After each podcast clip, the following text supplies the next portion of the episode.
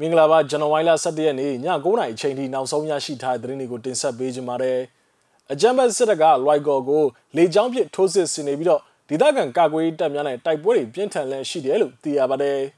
။အုပ်ဖို့ကံပေါင်ဂျင်းစကန်တိုက်ခိုက်ခံခဲ့ရပြီးတော့အကြမ်းဖက်စစ်ကောင်စီလက်အောက်ခံထောင်မှုတဦးပါဝင်12ဦးသေဆုံးပြီးတော့ဒေသခံပြည်သူကာကွယ်ရေးတပ်ဘက်မှ2ဦးသေဆုံးခဲ့တယ်လို့သိရပါတယ်။စတဲ့သတင်းကြောင်းများတွေကိုသတင်းတောက်ကျွန်တော်ထုံးထုံးဝင်းကတင်ဆက်ပေးကြပါမယ်။ ပထမဆုံးနေ့နဲ့တင်ဆက်ပေးခြင်းတဲ့သတင်းကတော့ Green ပြည်နယ် Lycor မြို့မှာရှိတဲ့ဒေါ်ဥခုရက်ကွက်နဲ့မိုင်းလုံးရက်ကွက်များကိုဂျမတ်စစ်ကောင်စီတပ်ကဒီကနေ့ဇန်နဝါရီလ17ရက်နေ့ညနေ9:40မိနစ်40ချိန်ခန့်ကစတင်ပြီးတော့လေကြောင်းပစ်ထိုးစစ်ဆင်နေပြီးတော့တိုက်ပွဲတွေပြင်းထန်လက်ရှိနေတယ်လို့ဒေသခံများထံမှသိရပါတယ်။အဆိုပါနေရာများမှာဒီကနေ့ဇန်နဝါရီလ17ရက်နေ့နေ့လယ်2နာရီမှစတင်ပြီးတော့စစ်တပ်နဲ့ဒေသကာကွယ်တပ်များအကြားမှာတိုက်ပွဲတွေစတင်နေခြင်းဖြစ်ပါတယ်။ဒေါ်ဥခုမှာဖြစ်ပြီးတော့မိုင်းလုံးမှာ နေ့လယ်ကတိုက်ပွဲတွေပြင်းထန်နေတယ်အကြမ်းမဲ့စစ်ကောင်စီဘက်ကလက်နက်ကြီးလက်နက်ငယ်တွေနဲ့ပစ်တာအခုလေရင်လဲလာနေပြီလို့ဒေသခံတူကမြစည်းမြသတင်းဌာနကိုပြောဆိုပါတယ်တိုက်ပွဲမှာအကြမ်းမဲ့စစ်ကောင်စီတပ်ကလက်နက်ကြီး120မမကိုအသုံးပြုပြီးတော့ point 5နဲ့အခြားလက်နက်ငယ်များနဲ့လည်းပစ်ခတ်ခဲ့တယ်လို့ DMO PDF တပ်ဖွဲ့ဝင်တူကဆိုပါတယ်အကြမ်းမဲ့စစ်ကောင်စီတပ်ဘက်ကအသေးပြောက်များလည်းရှိတယ်လို့၎င်းကဆက်လက်ပြောဆိုပါတယ်အဆိုပါတိုက်ပွဲကိုဒေသတပ်ဖွဲ့များဖြစ်ကြတဲ့ KMDF, KDF, DMO PDF, Jansi 21 Loigo, KA Medicine Union Dimoso MBPDF Loigo PDF PPPDF KPDF နဲ့အခြားဖွဲ့စည်းများပူးပေါင်းတိုက်ခိုက်နေခြင်းပဲဖြစ်ပါတယ်ဆလဗီဒင်ဆက်ပေးခြင်းတဲ့တရင်ကတော့စကိုင်းတိုင်းဒေသကြီးတမူးမြို့နယ်မှာရှိတဲ့အုပ်ဖို့ကံပေါအချင်းစကန်ကိုဝင်းအောင်တိုက်ခိုက်ခဲ့ရမှာအကြံဘတ်စစ်ကောင်စီလက်အောက်ခံထောင်မှုနဲ့ဇနီးဖြစ်သူပါဝင်12ဦးသေဆုံးပြီးတော့၎ င်းတို့ရဲ့ရဲဘော်2ဦးကြာဆုံးက4ဦးဒဏ်ရာအနည်းငယ်ရရှိခဲ့ပြီးတော့လက်နက်အချို့ဆုံးရှုံးခဲ့တယ်လို့တမူးကာကွယ်တပ်ဖွဲ့ PDF တရင်တစ်ကသတင်းထုတ်ပြန်ကြေညာလိုက်ပါတယ်။ဇန်နဝါရီလ10ရက်နေ့ညနေ9:00နာရီချိန်ကဝက်ရှုကျေးရွာအရှိ2မိုင်ကွာမှာရှိတဲ့အုပ်ဖို့ကံပေါင်ရဲဘက်အချင်းစကန်ကိုဝင်ရောက်စီးနင်းခဲ့ပြီးတော့လက်နက်ချရန်တိုက်တွန်းတတိပေးနေစဉ်မှာထောင်မှုကလက်နက်မချဘဲပြန်လည်ခုခံတိုက်ခိုက်ရန်အော်ဟစ်အမိတ်ပေးတဲ့အတွက်တိုက်ပွဲဖြစ်ပွားရခြင်းဖြစ်ကြောင်းဆိုပါတယ်။လာမယ့်ဖေဖော်ဝါရီလဆိုအာနာသိန်းတာတစ်နှစ်ပြည့်တော့မယ်။ အဲ့ဒီတော့အခုလိုအချင်းဦးစီးမှာမဟုတ်ပါဘူးနန်စီရီယန်ဝန်ထမ်းဌာနတွေအားလုံးကိုတိုက်ခိုက်သိမ်းယူသွားမယ်ကိုမြို့ကိုပြန်ပြီးတော့သိမ်းယူမယ်အဲ့ဒါကျွန်တော်တို့တရင်တရက်2022နှစ်သစ်တန်ဒိတ်ထံပဲတော်လန်ရွက်ကိုအရှိန်မြင့်နေသွားမယ်လို့တမှုကာကွယ်တပ်ဖွဲ့တရင်တက်မှဘိုဘာမန်ကပြောဆိုပါတယ်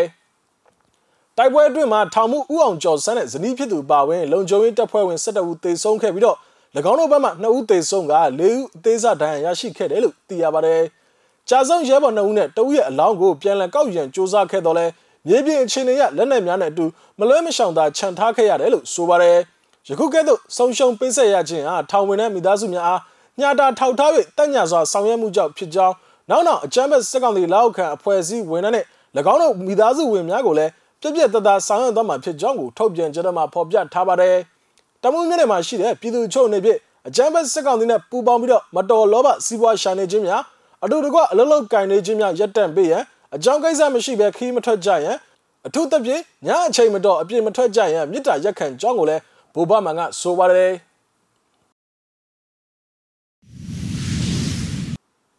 နောက်ထပ်တင်ဆက်ပေးခြင်းတဲ့သတင်းကတော့ AR တိုင်းဒေသကြီးကြောက်ကုန်းမြို့နယ်စက်ကွင်းရက်ကွက်မှာဒလန်လို့နာမည်ထွက်နေသူရဲ့ဆိုင်ကိုဇန်နဝါရီလ10ရက်နေ့ညပိုင်းချိန်ကဘုံဖောက်ခွဲခဲ့တဲ့လူငယ်နှုတ်ကဖမ်းဆီးရိုက်နှက်ခြင်းခံခဲ့ရတယ်လို့ဒေသခံများထံမှသိရပါတယ်။ အဲ့ဒီဆိုင်ရှင်ကအနီးနားတစ်ဝိုက်ကိုအကူအညီပေးထားတဲ့သူတယောက်ပါအခုသူဖြစ်တော့ဆိုင်ကယ်ကယ်ရီသမားတွေကသူ့ကိုထိတော့ဝိုင်းဖမ်းပေးကြတဲ့သဘောပါပဲဘုံလာပစ်သွားတဲ့ကလေးတွေကတနေကဆိုတော့နေမကျွမ်းတဲ့အတွက်ဖမ်းမိသွားတာမျိုးဖြစ်နိုင်တယ်လို့ဒေသခံတူကမျက်စိမှသတင်းဌာနကိုပြောဆိုပါတယ်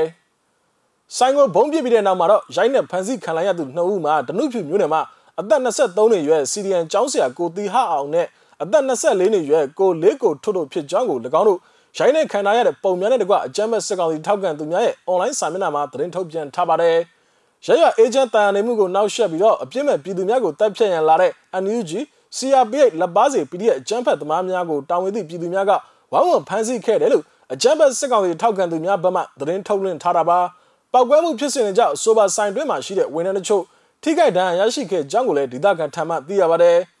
ဘုံဖောက်ခံရတဲ့ဆိုင်မှာအကြမ်းဖက်စစ်ကောင်စီတပ်ဖွဲ့မှတာဝန်ထမ်းဆောင်ဘူးသူဒလန်အကြီးစားလို့နာမည်ထွက်နေတဲ့ဆိုင်ရှင်ဖြစ်ကြောင်းကိုလည်းဒေသခံသတင်းရင်းမြစ်ချိုးကမြစည်းမသတင်းဌာနကိုပြောဆိုပါတယ်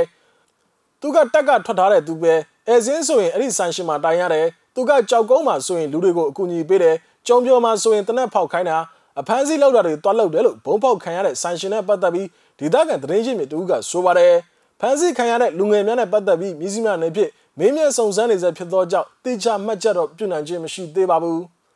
စက်ကွင်းရက်ကွက်မှာရှိတဲ့အဆိုပါလက်စစ်ပစ္စည်းဆိုင်နဲ့မီနီစတိုးဆိုင်ဖောက်ခွဲခံခဲ့ရပြီးတော့လူငယ်တို့ကိုဖမ်းဆီးရိုင်းတဲ့ကရဲနဲ့စစ်တပ်လက်သို့အလိုက်တဲ့ဖြစ်စဉ်ကိုကြောက်ကုန်းမြို့မှာစစ်တပ်ထောက်ခံတဲ့မာဘာသာအဖွဲ့နဲ့ခင်လာပြည့်ဝင်းဆိုတဲ့အမျိုးသမီးရဲ့လူမှုကွန်ရက်ဆိုင်နာမှာဓာတ်ရိုက်လိုက်ထုတ်လွှင့်ခဲ့ပါသေးတယ်။ NUG စေပါတွေကတမိတို့ရက်ွက်ထဲမှာဘုံလာခွဲတာဒါအခုဒေါ်လေးလာဝင်းအကောက်ကနေလိုက်လွှင့်တာ ကျမဖျောင်းနိုင်ထုတ်ဝက်နေတော့ကျမမျိုးသားကမိမရေစက်ကွင်းလမ်းထဲကိုဝင်လာတဲ့သူတွေကိုပိတ်ထားလိုက်တဲ့အဲ့ဒီနားကလူကြီးတွေကိုအော်ပြီးအဲ့ဒီကောင်ကိုဝိုင်းရိုက်လိုက်ဆိုပြီးအမျိုးတွေမိသားစုတွေထွက်လာပြီးဝိုင်းရိုက်ကြတာလို့အမျိုးသမီးတူကလိုက်လွှင့်ရင်ပြောဆိုခဲ့ပါတယ်စက်ကွင်းရက်ကွက်မှာလူငယ်တို့ရိုက်နှက်ခံခဲ့ရပြီးတော့မိနစ်အနည်းငယ်ကြာမှတော့အကြမ်းဖက်စစ်ကောင်စီလောက်ခံရဲများရောက်ရှိလာပြီးတော့အဆိုပါမျိုးသားတို့ကိုကြောက်ကုန်းရဲစခန်းသို့ခေါ်ဆောင်သွားပြီးတော့စစ်ဆေးမှုတွေပြုလုပ်နေတယ်လို့ဒေသခံများကဆိုပါတယ်ကြောက်ကုန်းမြို့မှာလည်းဒေါ်ခင်လာပြည့်ဝင်းခဒေါ်လာဝင်းဆိုသူနဲ့၎ င်းရဲ့ခင်မွန်းဖြစ်သူတို့ရဲ့ရဲတရင်ပေးလောက်ရများကြောင့်စီရီယန်ဝန်ထမ်းများနဲ့စစ်အာဏာရှင်စန်းကျင်ရေးဆန္ဒပြပွဲများပြုလုပ်စဉ်ကပါဝင်ခဲ့သူများမှာမကြာခဏဆိုသလိုဖမ်းဆီးခြင်းခံရကြောင်းကိုဒေသခံများကဆိုပါတယ်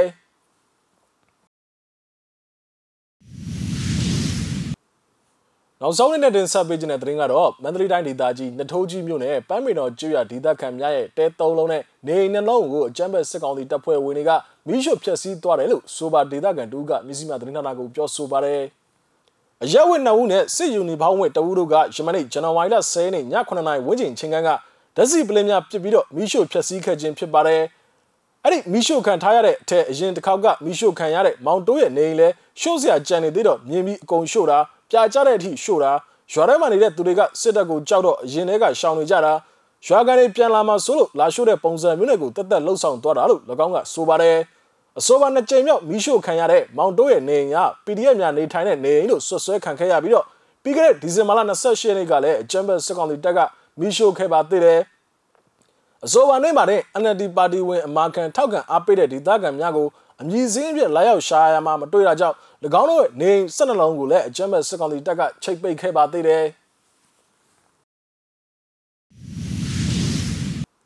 ဟုတ်ကဲ့ပါဇန်နဝါရီလ17ရက်နေ့ည9:00နာရီချိန်ထိနောက်ဆုံးရရှိထားတဲ့သတင်းတွေကိုကျွန်တော်တို့မျိုးစီမှာဝိုင်းတော်သားများကနေပြီးတော့တင်ဆက်ပေးခဲ့တာပါမြန်မာပြည်နဲ့မှာနေထိုင်တဲ့မိဘပြည်သူတွေအကုန်လုံးဘေးရည်နဲ့ကင်းရှင်းကြပါစေလို့ဆုမကောင်းတောင်းရပါတယ်လက်ရှိဖြစ်ပေါ်နေတဲ့ COVID-19 ကရောဂါနဲ့ပတ်သက်ပြီးထိုးကူးဆိုင်ကြဖို့ကိုကျွန်တော်တို့မျိုးစီမှာဝိုင်းတော်သားများက